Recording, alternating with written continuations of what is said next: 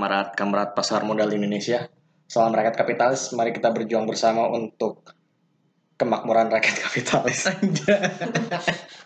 Jargon Dia ya. buat slogan Kita baru. harus ada jargonnya sekarang biar ma- biar dikenal sama Gimana Pak? orang-orang. Gimana Pak? Gimana? masyarakat umum. Udah nanti aja kita bahas lagi. Oke, malam ini kita akan membahas mengenai cara menentukan saham yang layak untuk dibeli secara teknikal. Ini merupakan pertanyaan dari Rifki. Oh gitu ada yang nanya. Ya, Wih. sebenarnya pertanyaannya ada dua sih. Yang pertama itu soal trading, yang kedua itu soal saham ESA dan Pegas. Nah, kita akan membahasnya kali ini di episode ke-17. Wih. Yang pertama kita ada akan bahas mengenai em, gimana sih caranya screening saham. Eh, saya masih nggak bisa nemu sendiri gimana sa- eh, saham yang saya mau tradingkan. News apa yang ramai cross check dengan cara saya lalu, lalu kalau cocok baru saya tradingkan. Itu tapi masih belum pas screeningnya. Nah, yang pertama perlu dilakukan dalam screening saham adalah tren dari suatu saham tersebut. Menentukan tren ya. Ya, menentukan tren. Hmm. Tren itu di tren saham itu dibagi tiga, bullish, sideways, dan bearish. Hmm. Itu aja sederhana. Em, langsung aja mungkin kita ke next slide. Prakteknya. Hmm. Nah, yang pertama adalah bullish, berarti ini analisa teknikal ya. analisa teknikal. Jadi, ya ini analisa teknikal sederhana yang bisa dicerna oleh em, masyarakat awam dan umum sih. Jadi, nggak perlu ribet-ribet banget. Ini bisa diterapin langsung kalau kita misalnya baru awam untuk terjun ke pasar modal. Mungkin yang rekan-rekan podcast nanti bisa kita bacain secara kita apa ya kita bicarakan secara jelas itu ya Hmm. kan nggak bisa ngeliat gambarnya kalau untuk yang teman-teman di YouTube ini mungkin bisa bisa jelas ya. Iya benar. Nah, kalau untuk bullish itu adalah tren saham dikatakan bullish apabila mampu memben- membuat support dan resisten yang lebih tinggi daripada support sebelumnya, Higher high dan higher low. Kalau kita lihat di sini, ini adalah so- contoh saham TINS. Saham TINS itu sejak Desember dia supportnya di kisaran 650-an ya. Terus pas Januari naik supportnya di 750, naik lagi di sekitar 830-an ya. Naik lagi di sekitaran 890 dan akhirnya terus menanjak sampai di 1300-an. Jadi kalau kita lihat ini supportnya naik dan resistannya pun juga naik. Dari sekitaran 750-an naik lagi ke 850-an, terus naik lagi ke 950-an sampai akhirnya terus nembus ke 1300. Jadi bagi yang sempat ngikutin eh, rekomendasi kita waktu itu pas kebetulan yang hari pertama Oh iya. sebelumnya itu sebenarnya apa? Minggu lalu ya. Iya minggu lalu up- Iya. kita update YouTube-nya sebenarnya agak telat ya pas hari pas pagi. Sabtu ya? Iya enggak Jumat. Pas jadi pas si YouTube-nya udah naik, eh YouTube udah naik baru tayang si sama udah naik duluan. Tapi masih ada hari Iya, besoknya iya. juga masih naik sih, masih naik 17% per 20%. Nah, kita biasanya itu bikin bikin ini live-nya di di hari Kamis ya malam ya. Iya, hari Kamis malam. Jadi Oleh kita karena kelalaian gue ya. Ya udah apa-apa lah itu. Jadi sebenarnya kalau misalnya kita mau beli saham tuh saham kayak gimana sih? Ya tentuin dulu itu sahamnya bullish, bearish atau sideways. Kalau sebaiknya kita beli saham yang bullish. Dan selanjutnya kita bakal mungkin Untuk trennya ya, ya maksudnya. trennya, untuk trennya. Untuk yang kedua itu ada trennya sideways. Nah, contoh tren sideways ini adalah di HMSP. Kalau kita lihat tren sideways ini adalah eh, terjadi saat saham tidak berhasil menembus dan support dan resisten yang lebih tinggi atau lebih rendah dari sebelumnya. Hmm. Jadi kalau kita lihat saham itu bergeraknya di range-nya terbatas. Contoh kalau HMSP ini sideways-nya agak lebar ya di 3300 3230 sampai 4040 kalau kita lihat. Sebenarnya ini agak lebar juga karena supportnya ini ada dua support di 3200-an. Kalau kita lihat kanan sama kiri itu ada support eh, yang cukup kuat di situ. Makanya gue pilihnya supportnya di situ bukan di atasnya sini atau di sini. Biar lebih ini aja sih, lebih mentok dalamnya tuh Hmm. di mana gitu. Dan resistannya di sekitar 4040-an. Soalnya ini ada dua, jadi gue pilih yang ini aja. Sebenarnya support sama resisten itu kan ya mana dua titik lah minimal untuk sebenarnya satu titik aja bisa sih disebut resisten asal yang lainnya tuh nggak pernah nyentuh titik tersebut. Tapi kalau misalnya di bawahnya ada titik yang lebih rendah ba- lebih rendah dan lebih banyak seringnya di situ. Nah, itu bisa dikatakan suatu resisten sebenarnya atau support. Yang selanjutnya adalah trend bearish. Nah, trend bearish itu apa sih? Trend bearish yang selalu membentuk area support yang baru. Jadi dia misalnya Excel. Ini Excel di bulan Oktober sampai Desember. Excel pertama supportnya di 2700, jebol lagi ke 2600. 2600 jebol lagi terus sampai 2100. 2100 jebol lagi sampai di 1900-an. berarti membentuk support yang baru yang which is lebih rendah ya Iya, supportnya dari pasti lebih rendah daripada support-support sebelumnya. Hmm. Makanya itu disebut uh, trennya Bearish. trend bearish. Dari sebenarnya dari ketiga saham itu juga kita bisa ngelihat apa perbedaan dasarnya. Perbedaan dasarnya yaitu di support sama resistennya. Itu aja yang kita tentuin. Kita belum bicara macam-macam tentang MACD, tentang exponential moving average, tentang stokastik, itu alat pembantunya. Kalau yang biasa gue pakai sih ya ini aja sih moving eh, apa exponential moving average terus ada MACD sama stokastik tiga indikator ini aja yang cukup untuk membantu trading gue sehari-hari. Sama satu lagi mungkin Fibonacci. Itu nanti mungkin ya di next video atau apalah kita mungkin bisa pelajarin dulu lagi. Gue juga nggak terlalu expert banget di Fibonacci. Jadi yang gunain untuk secara sederhana aja sih. Nah selanjutnya kita menentukan support dan resisten Se- kebetulan saham Astra Internasional ini cukup lengkap dari segi trennya ya. Kalau kita lihat April sampai Juni ini trennya bearish, soalnya supportnya lebih rendah. Yang di Mei ini di supportnya lebih rendah ya. Kalau kita lihat dari sekitar 7.000 ke 6.600-an di April sampai Mei itu trennya bearish. Kemudian mulai uptrend lagi di Juli sampai Agustus itu mulai bullish lagi. Kemudian dari Agustus sampai Oktober itu sideways dalam rentang 7.600 sampai di 6.600. Hmm. Kemudian Oktober sampai Desember. Wah, ini terpola banget ya. Oktober sampai November itu bullish lagi karena menjelang akhir tahun. Itu sampai naik lagi. Kemudian di Desember sampai kemudian di Januari sekarang itu trennya ma- eh, masuk dalam fase sideways. Jadi kalau kalian bisa lihat di sini bagi yang eh, nonton YouTube kita, ini bisa jelas banget terlihat untuk saham Astra itu dari April sampai Januari, April 2018 sampai Januari 2019 itu dia trennya lumayan lengkap, ada bearish, ada bullish, ada sideways. Dia lengkap semua trennya di situ. Hmm. Dan kalau kita lihat secara jangka panjangnya, ini Astra sebenarnya jangka menengah ya. Ini fasenya masih bullish sih kalau jangka menengahnya. Cuman kalau kita bagi secara per periodik per bulan, gitu, nggak per bulan juga sih, per beberapa bulan, ini ada fase-fase sendirinya. Ada fase bearish, ada Iya. bullish, ada sideways, ada bullish, ada sideways lagi. Kenapa untuk jangka panjangnya kita sebut dia fasenya bullish? Karena kalau kita lihat ini supportnya selalu membentuk support yang baru. Ini yang pertama di Juli, ini supportnya di 6200. Kemudian di bulan Oktober tuh supportnya di 6600. Kemudian di Desember tuh supportnya udah di 8000. Begitu juga dengan resistannya. Resisten awal itu di 6600 di Juli, kemudian naik di 7200, kemudian naik lagi di 8600-an. Ini resisten yang terakhir. Kisarannya segitu. Jadi kita lihat support dan resistannya itu mengalami penaikan. Nah, gimana sih menentukan entry saham melalui MACD dan exponential moving average? Nah, ini sebenarnya secara sederhana aja. Kalau kita masuk saham melalui MACD, itu cari yang MACD-nya Golden Cross. Di mana MA, eh, gimana sih? Ya. Pokoknya kalau di, apa ya, di signal itu biru motong aduh gue lupa apa namanya tuh Eh, bersentuhan itu kan iya berpotongan gitu deh yang jangka pendeknya berada di atas jangka panjang. panjangnya nah contohnya kalau kita pakai MA20 sama MA50 itu MA20 nya motong di atas MA50 yang merah itu MA20 yang biru itu MA50 Hmm. Jadi kalau misalnya dia berpotongan kayak gitu, itu ada peluang sebenarnya untuk uptrend. Ini contoh dari saham Trends.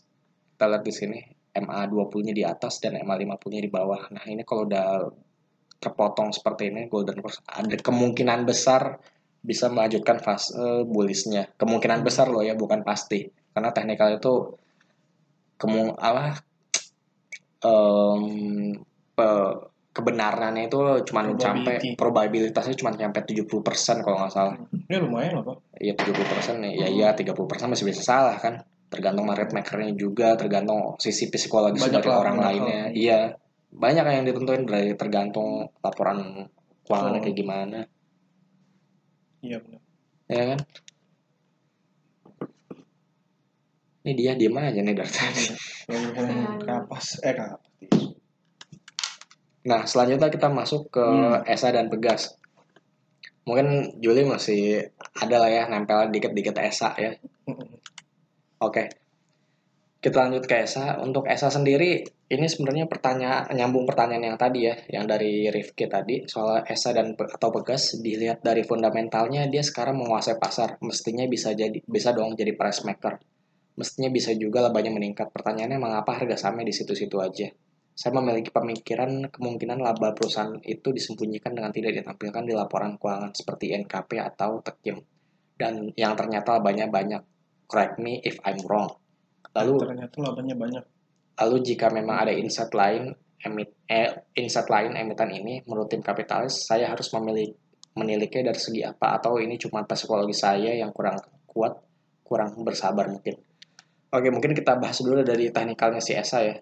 Kalau dari si ESA sebenarnya sih ini bullish banget ya dari Desember sampai Januari itu bullish banget dan nampaknya ada fase mulai istirahat sejenak untuk ESA ini. Kalau kita lihat supportnya support bentuk support baru, resistannya resistan su- eh, baru juga. Nah kalau ditanya em, ini mungkin masuknya apa Rifki agak telat kali ya mungkin di kisaran Mungkin yang udah tinggi. iya mungkin di kisaran eh, 390-an kali ya makanya dibilang kok sahamnya gak gerak ke mana-mana cuma Iya. kalau iya mungkin agak telat ya masuknya ya kalau kita lihat dari Desember sebenarnya fase dalam masih fase bullish dan trennya pun masih masih uptrend banget gitu MACD-nya juga masih bagus eh stokastik emang ya Iya udah ini kayaknya tahun lalu ya. iya tahun Ini lalu bahasan tahun lalu ya. bahasan tahun lalu Tahun lalu maksudnya Desember lah. Desember nggak tahun lalu Januari juga belum bikin podcast. belum bikin podcast Iya. oke balik lagi ke awal ya Iya. Tadi dia nanya apa apa price maker? Iya, price maker gasnya itu. Nah, kalau Pegas. enggak si ESA sama Oh. Pegas kan sama-sama jual gas tuh. Nah, kalau kita breakdown si ESA ini sebenarnya si ESA itu untuk mulai tahun 2018 dia nggak jualan LPG aja. Sekarang Hmm. malah di Mulai- yang dominan itu amonia. Iya, Amonia itu mencapai Pupuk. 54%. buat pupuk. Iya, buat pupuk. Tapi gas juga sebenarnya itu. Sebenarnya itu gas juga. gas juga sebenarnya. Nah, kita lihat di breakdown di 9 month 17 2017 sama 9 month 2018 ini perbedaan Hmm. mencolok. Di 2017 masih 100% pendapatan LPG. dari LPG semua. Dan di 2018 itu mulai ada amonia sama LPG yang mulai berkurang persentase jadi 40% dan ada jasa pengolahan. Mm-mm. Makanya ESA labanya ngelonjak sampai 325% ya karena itu masuknya pendapatan amonia. Kan tadinya nggak ada, jadi ada. Nah Iya. itu makanya ngedorong labanya sama revenue dia tuh naik kencang. Selain itu juga dia, ini gue baca riset dari si Samuel ya. Ini dia, dia dapat eh, tax holiday juga dari investasi pabrik amonia selama lima tahun. Dan optimalnya tuh monetisasi Panca Amara Utama. Nah, Panca Amara Utama itu produsen amonia yang diakuisisi sama ESA di tahun 2015. Hmm. Ini sekolah salah pabriknya diresmiin sama waktu groundbreaking diresmiin sama Pak Presiden juga sih, setahu gue. Setelah baca-baca ya, Hmm. waktu itu nggak terlalu ngeh sih. Oke, selanjutnya siapa aja sih customernya ESA? Mungkin nggak dia bikin price maker kayak gitu, yang seperti yang ditanyain. Kalau bikin price maker itu kemungkinannya ESA nggak bisa sih ya, soalnya pelanggannya ESA itu adalah Pertamina sama si Genesis Corporation. Genesis Corporation ini yang apa ya?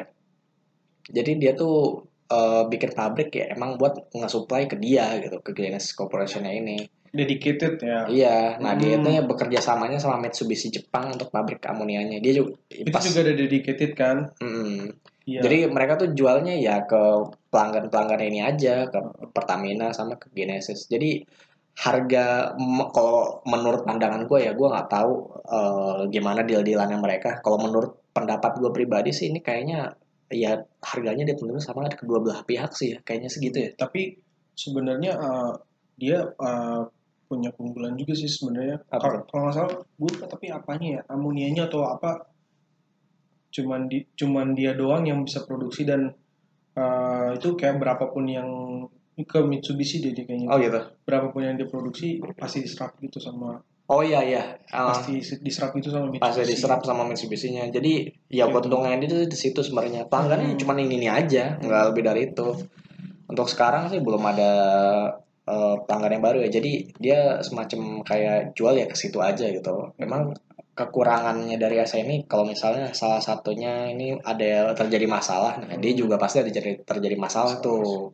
Kalau misalnya supply apa permintaan dari Genesis Corporation atau Pertamina ini berkurang, nah itu juga pasti bakal nyebabin CSA-nya ini pendapatannya pasti terganggu. Iya. Soalnya customer-nya cuma berdua ini, kecuali dia ada customer lain yang ada diversifikasi customer, mungkin itu bisa berkurang risikonya. Nah selanjutnya juga eh, dia untuk CSA ini na- nargetin produksi LPG-nya sama konsendat. Konsendat nih gas juga sih ya, cuman karena gue kurang expert di bidang pergasan, jadi gue kurang. Gas Jadi- manusia. Kalau gas manusia saya expert bapak. Karena gasnya ini kurang gua kurang paham jadi ya kayaknya sih ini semacam gas juga yang gua baca-baca di Google juga semacam gas juga. Nah kalau ini mereka nargetinnya untuk LPG-nya tuh produksi 2018 lebih tinggi dari 2017-nya. Dia nargetinnya segitu. Kalau untuk sampai 9, 9 bulan 2018 tuh udah nyampe 55 ribu, 55 ribu eh, metric ton ya per tahunnya. Nah ini ditargetin di 2018 tuh ta- eh, produksinya 76.384 metric ton. Kalau untuk konsedatnya juga ini memang ada berkurang tipis sih dari 168.000 menjadi 154.000. Jadi ya dari konsedatnya ada penurunan tapi karena sekarang kalau kita lihat eh, di slide awal itu revenue breakdownnya udah LPG tinggal 40% dan amonia 54% ya nggak terlalu masalah sih kalau gue lihat. Ini juga udah kita bahas eh, ESA sebenarnya dari saat ini lagi fasenya fase bullish sebenarnya. Lanjut aja kita langsung ke bagian si pegas. Hmm. Nah, pegas ini eh, mungkin nggak sih bikin apa? Bikin harganya itu di Price maker. price makernya. Kalau kita lihat sih eh, dia itu eh, jumlah pelanggannya itu rata- rata-rata tuh dari industri sebenarnya. Hmm. Industrinya itu ada pembangkit listrik 41%, ada kimia ti- tiga- 14 13,76%, ada makanan, ada keramik, ada logam pabrikasi. Jadi lima sektor, lima industri ini yang menyumbang untuk eh, pendapatannya si Pegas. Nah, kalau untuk secara bisnisnya, Pegas itu ada distribusi sama transmisi itu 78%, terus ada upstream minyak dan gas 19%, dan lainnya sekitar 3%. Dan kalau kita lihat eh, jumlah pelanggannya untuk yang komersial dan industri itu mencapai 99,5% dari total pelanggan atau itu nyampe 200 200 eh, ribu ini kayak terbalik deh. Sorry ini terbalik. Eh, kayaknya ini yang 2245 pelanggan ini untuk komersial komersial dan industri itu nyampe eh, kontribusinya 99,5% dari total penjualan. Hmm. Terus yang rumah tangga Iya. itu 0,5% dari total penjualan itu 200.000. totalnya 200.906 pelanggan. Ini terbalik ya. Seharusnya ini ada di rumah tangga yang 200.000, yang 2.245-nya ini ada di Industri. komersial dan industri. Biarpun jumlahnya kecil pelanggannya, tapi dia mendominasi di Dan size-nya gede ya karena size gede. Kalau pelanggan kayak paling kompor, paling Gas LPG 3 gas LPG 3 kilo, kilo, 12 kan. kilo, sama berat gas yang iklannya baru sekarang paling gitu-gitu doang. Jadi Gitu nggak ya? begitu besar. Marginnya juga ini yang ditetapin di RPBN 2,2 sampai 2,5 MMBTU ya. LPG itu emang anak perusahaan ini. Lah iyalah, Oh iya. Emang gimana? Punya siapa Kan dia? kemarin di itu yang Iya benar. Nah ini sebenarnya eh, Kecil juga ya kalau cuma 0,0 0, 0,5 doang. Hmm. Ini sebenarnya eh, PGN strategi fokusnya di gas ya. Jadi dia eh, merger atau apa sih sama Pertagas? Oh, ini Pegas nah ada addition nambah eh, subsidiariesnya untuk Pertagas ya. Jadi dia ada storage and processing sama gas utilities. Hmm. Ada dua, ada nambah dua. Cuman untuk tuh sebenarnya ini ya baru mau dilaksanain ya. Yang pertagas. Ah, Mm-mm. baru mau dilaksanain kayaknya sih udah mau tahap finalisasi ya. Ya belum Mungkin final. sebentar lagi makanya kalau kita lihat harga sahamnya juga dari Desember sampai Januari itu naik. Tapi emang hasil result sih bagus ya. Fluktuat, tapi fluktuatif juga sih. Fluktuatif juga tapi emang hasil result bagus. Dan pegas jangan dilihat harga sekarang 2590 ini udah tinggi ya. Iya. Dia di tahun 2013 itu Hahaha, baru pengen ngomong gua. pernah berapa Julia? Enam ribu, lima, Lima ya, ribu lima ribu, ya. sembilan enam ribu kayaknya pernah nggak sih? Iya, benar. Abis itu turun lagi.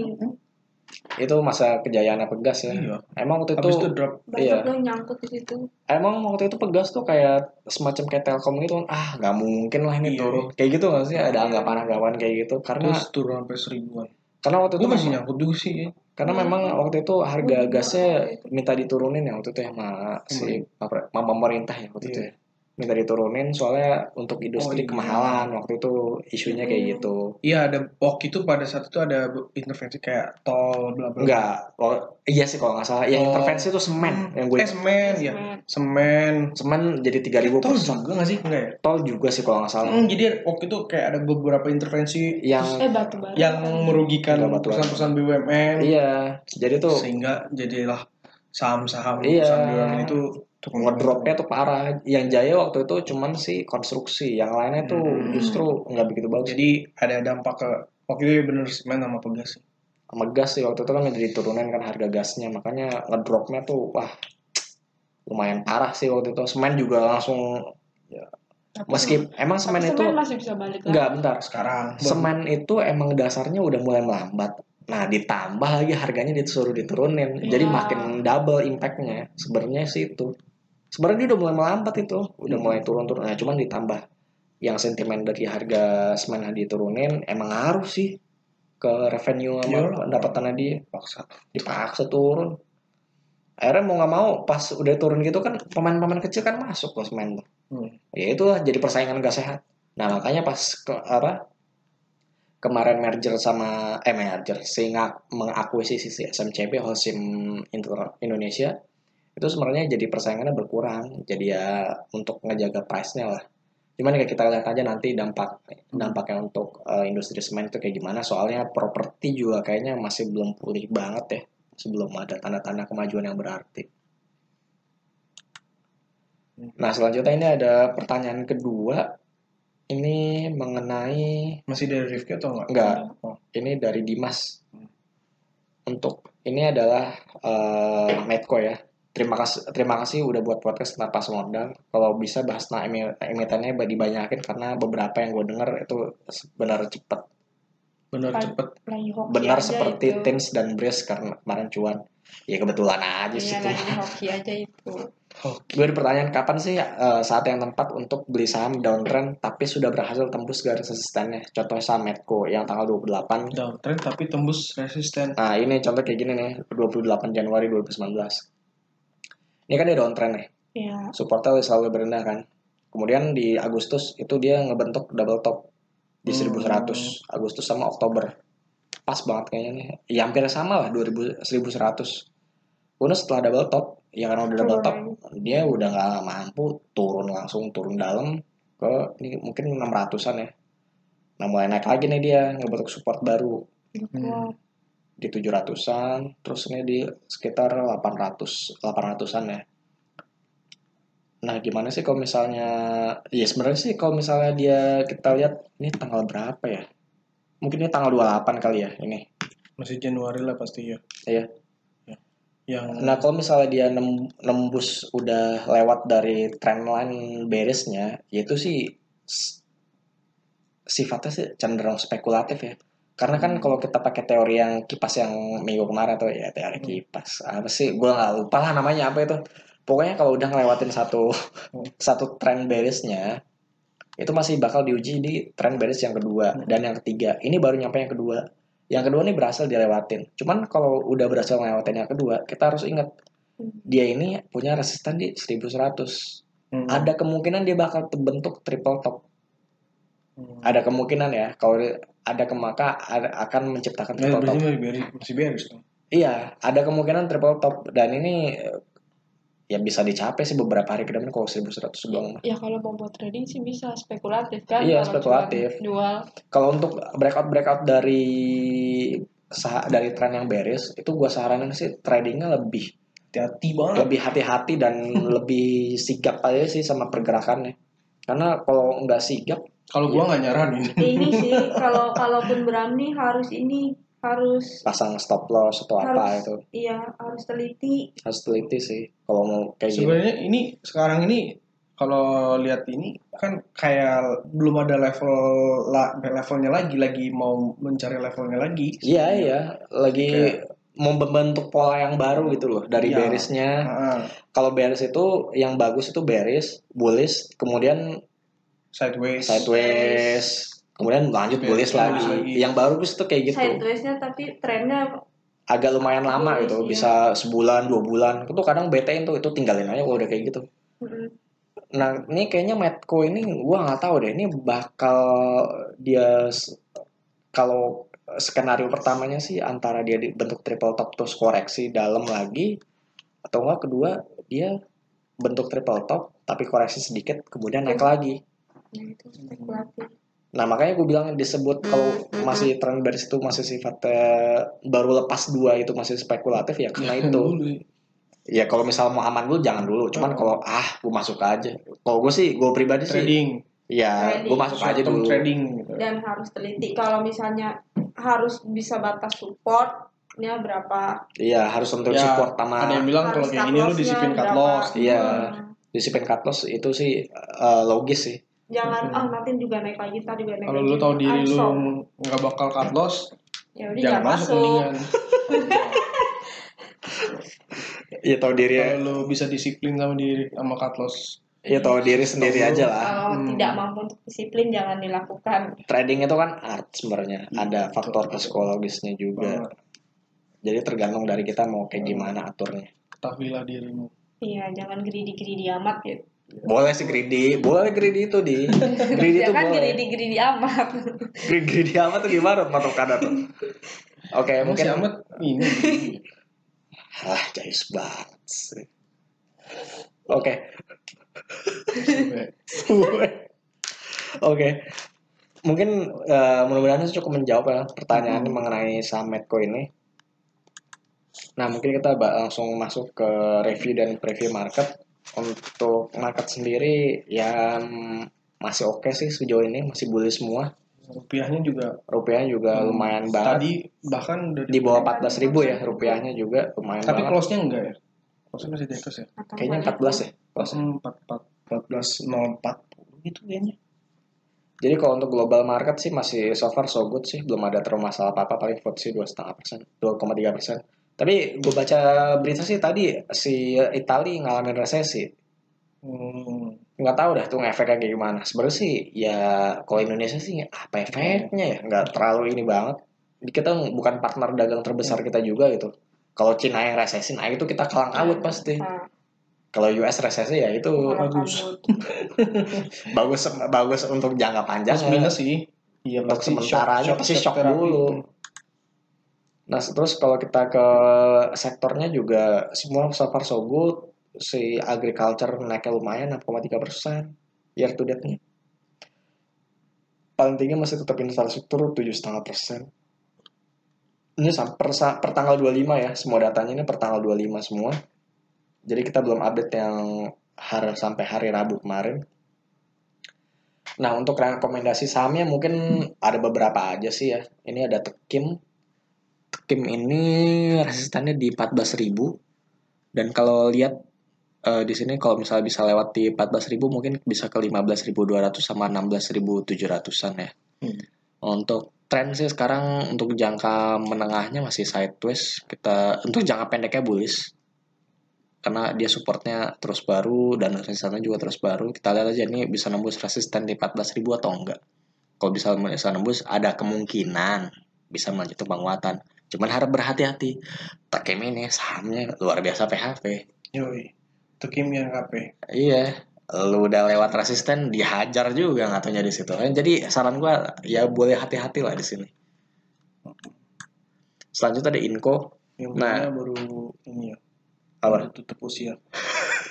iya Pak siapa Pak Eka. Pak Eka Cipta ya turut berkonjuta juga juga. untuk Bapak Eka Cipta Sinarmas. Sinarmas sang konglomerat legendaris dari Indonesia Semoga bisa diteruskan ke penerusnya. iya dan mungkin bisa gitu. bisa menular ke kita kita ya Apa kita langsung Sinarmas saja Oke selanjutnya kita bahas mengenai Inco. Nah Inco ini lumayan enak sih. Dia udah ngelewatin fase bears yang pertama, yang kedua, dan kayaknya dia berhasil lewatin yang ketiga nih. Dan kalau yang lewatin ketiga, ini fase apa? Ngelewatin. fase bearish. Oh. Jadi supportnya udah support baru terus, dan resistannya juga resisten baru terus. Tapi ini eh, yang mengkhawatirkan sebenarnya ada gap up. Ah, Cuman gap up ini ada pendapat yang dua. Ada yang percaya backup gap up itu akan tertutup dengan cepat dan ada yang percaya bahwa gap up itu akan tertutup tapi entah itu kapan terjadinya. gue sih entah itu kapan terjadinya. Gue juga sependapat sama yang itu.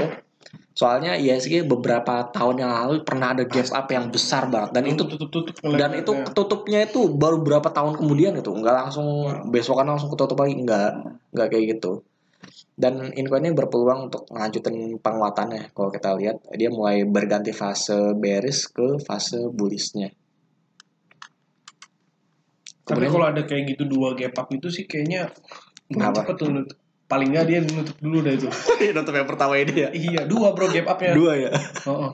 ya kita lihat nanti mungkin kalau harga nikelnya turunnya lumayan parah mungkin aja bakal dia sih. bikin gap down sekali iya langsung ditutup kan. Ditutupnya pakai gap up.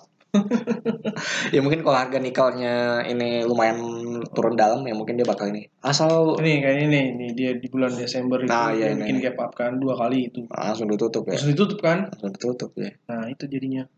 Jadi Inco ini memang rela apa korelasi sama harga nikel tuh lumayan ini ya, lumayan positifnya lumayan searah banget gitu. Nikel tuh gue perhatiin dari year to date tuh udah naik 13% dan hampir sama kayak Inco. Inco itu sekitar 12-14% tuh. Mungkin hari ini bisa sama kayaknya kenaikannya. Jalan banget. Sejalan banget jadinya. Kalau misalnya lihat kalau in, mau training Inco atau Antam juga mirip-mirip tuh geraknya. Ya itu bisa diperhatiin aja harga nikel sih harga nikel tuh bisa dilihat di investing di nikel aja ketik yang nikel yang harga yang London apa ya kalau nggak salah ya. ketik kayak London. iya. Iya sih. LME kalau nggak salah. Lihat aja di di investing tuh ada. Investing.com itu bisa lu cari harga nikel di situ. Dan lu perhatiin aja gimana dia itu kan futures ya. Jadi kalau misalnya si nikelnya itu mulai turun nih nah itu pasti infonya tadinya bullish jadi mulai agak turun tuh. Biasanya kayak gitu nah selanjutnya kita bahas mengenai ISG ini ISG waktu gue bikin tanggal 30 ya ini belum tembus resistan 6500 sekarang udah tembus 5000 6500 dan next stage-nya itu di 6738 Iya hari ini hari ini hari Kamis ya naiknya satu persen. iya Tutup di 6532. 6532 ya Mm-mm. kalau untuk resistannya 532 ya Iya. Kenapa? 6532 ya. Oh. Jadi udah di atas 6500, tapi ya perlu kita perhatikan lagi sih. Hmm, kayak gimana respon di US mengenai berita tadi yang gue bilang eh, Italia masuk masa resesi. Lebay nggak reaksinya atau gimana gitu. Ya kita lihat aja. Tapi sih kalau lihat Dow Jones sih fasenya sekarang udah mulai bullish ya dari pergerakan bearish ya kan. Kayaknya emang sesuai ekspektasi hampir semua orang kan sampai sampai pemilu emang bakal bullish kan. Iya, yang kita, Kita kan dari mulai Ah. sebelum tahun baru kan kita Iya, itu udah bahas. gitu kan. Oh. Dan kita juga be- episode berapa ya? 15 apa 16 udah bahas juga Oh. bahwa selama tiga bulan ini pemilu ya ada kemungkinan kita bearish ah bearish sih. Bullishnya tuh lumayan oke gitu. Hmm. Di 2009 kan itu eh, tumbuhnya 6,3% dari Januari sampai Maret, kemudian di 2014 tumbuhnya 11%. Udah Dan- habis Maret Nah, itu. Nah itu mulai koreksi pasti. Itu mungkin ada yang pastinya pasti punya dua pandangan. Itu kalau sekarang ini kayak masih satu aja pandangan Iya, masih bullish. masih bullish. Soalnya juga ya Masih masih honeymoon semua. honeymoon semua lah. Jadi nikmatin aja semuanya. Kalaupun ada koreksi-koreksi juga paling koreksi kecil sih ya, koreksi minor. Nggak yang mayor-mayor banget. Iya. Paling pun juga kalau ke su kalau dia koreksi paling ke MA20-nya di 6381. Kalau yes guys eh, apa? eh, mengalami koreksinya di situ palingannya. Nah, mungkin itu aja eh, presentasi dari Rakyat Kapitalis. Oh ya, jangan lupa untuk subscribe, Wih, apalagi ya, komen, like, sama dengerin ya dengerin podcast kita, podcast kita di Spotify, ini Twitter kita, Tadi ada di, ada di Apple Podcast juga ya. ada di Apple Podcast juga Rakyat Kapitalis. Hmm. Twitter kita di @rakyat_kapitalis. Kemudian kalau ada mau yang tanya yang kayak yang tadi udah kita jawab, itu Hmm, bisa email ke email. rakyatkapitalis@gmail.com. Kemudian YouTube kita di Rakyat Kapitalis Kapitalis. sama podcast Spotify itu Rakyat Kapitalis. Jadi jangan lupa untuk di subscribe untuk YouTube-nya biar kita lebih semangat lagi bikinnya, bikin videonya karena dengan semakin kalian banyak eh, view dan subscribe dan like dan komen itu membantu kita untuk mempromosikan eh, YouTube kita ke yang lain. Karena sayang banget YouTube kita udah bikin bagus-bagus, cuman yang ng- ngeliat cuman 15 orang apa 50 Iya. orang. Belum banyak ya. Belum banyak banget. Ya dibandingin lu ngeliatin orang grebek rumah orang Tapi emang orang lebih, suka tuh yang grebek-grebek gitu ya. Grebek-grebek. Eh, pamer-pamer ya. show, show.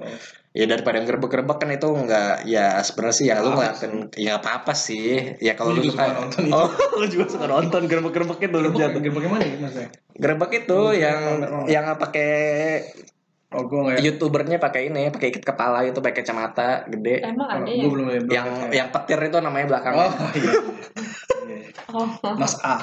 Mas A itu ya Oh iya iya. Siap siap siap. siap. Mas AA ya. Oh siap. Oh, siap, oh, siap. Parah lu ngecengin orang lu. Oh. Cengin. Nggak, justru Dia subscribernya udah 8 juta loh dia bro. Aduh, kita aja cuma 14. Udah deh subscribe. Udah ada 14 orang. 14 orang. Terima kasih 14 Terima kasih 14 orang. Buat kita. Kalian nanti jadi 14 pertama dari 14 juta. Aja. bagus, bagus, bagus, bagus, bagus. positive thinking. Positive thinking. Oke, terima kasih untuk atensinya untuk menyaksikan Rakyat Kapitalis. Kita akan berjumpa kembali di episode ke-18. See you. See you.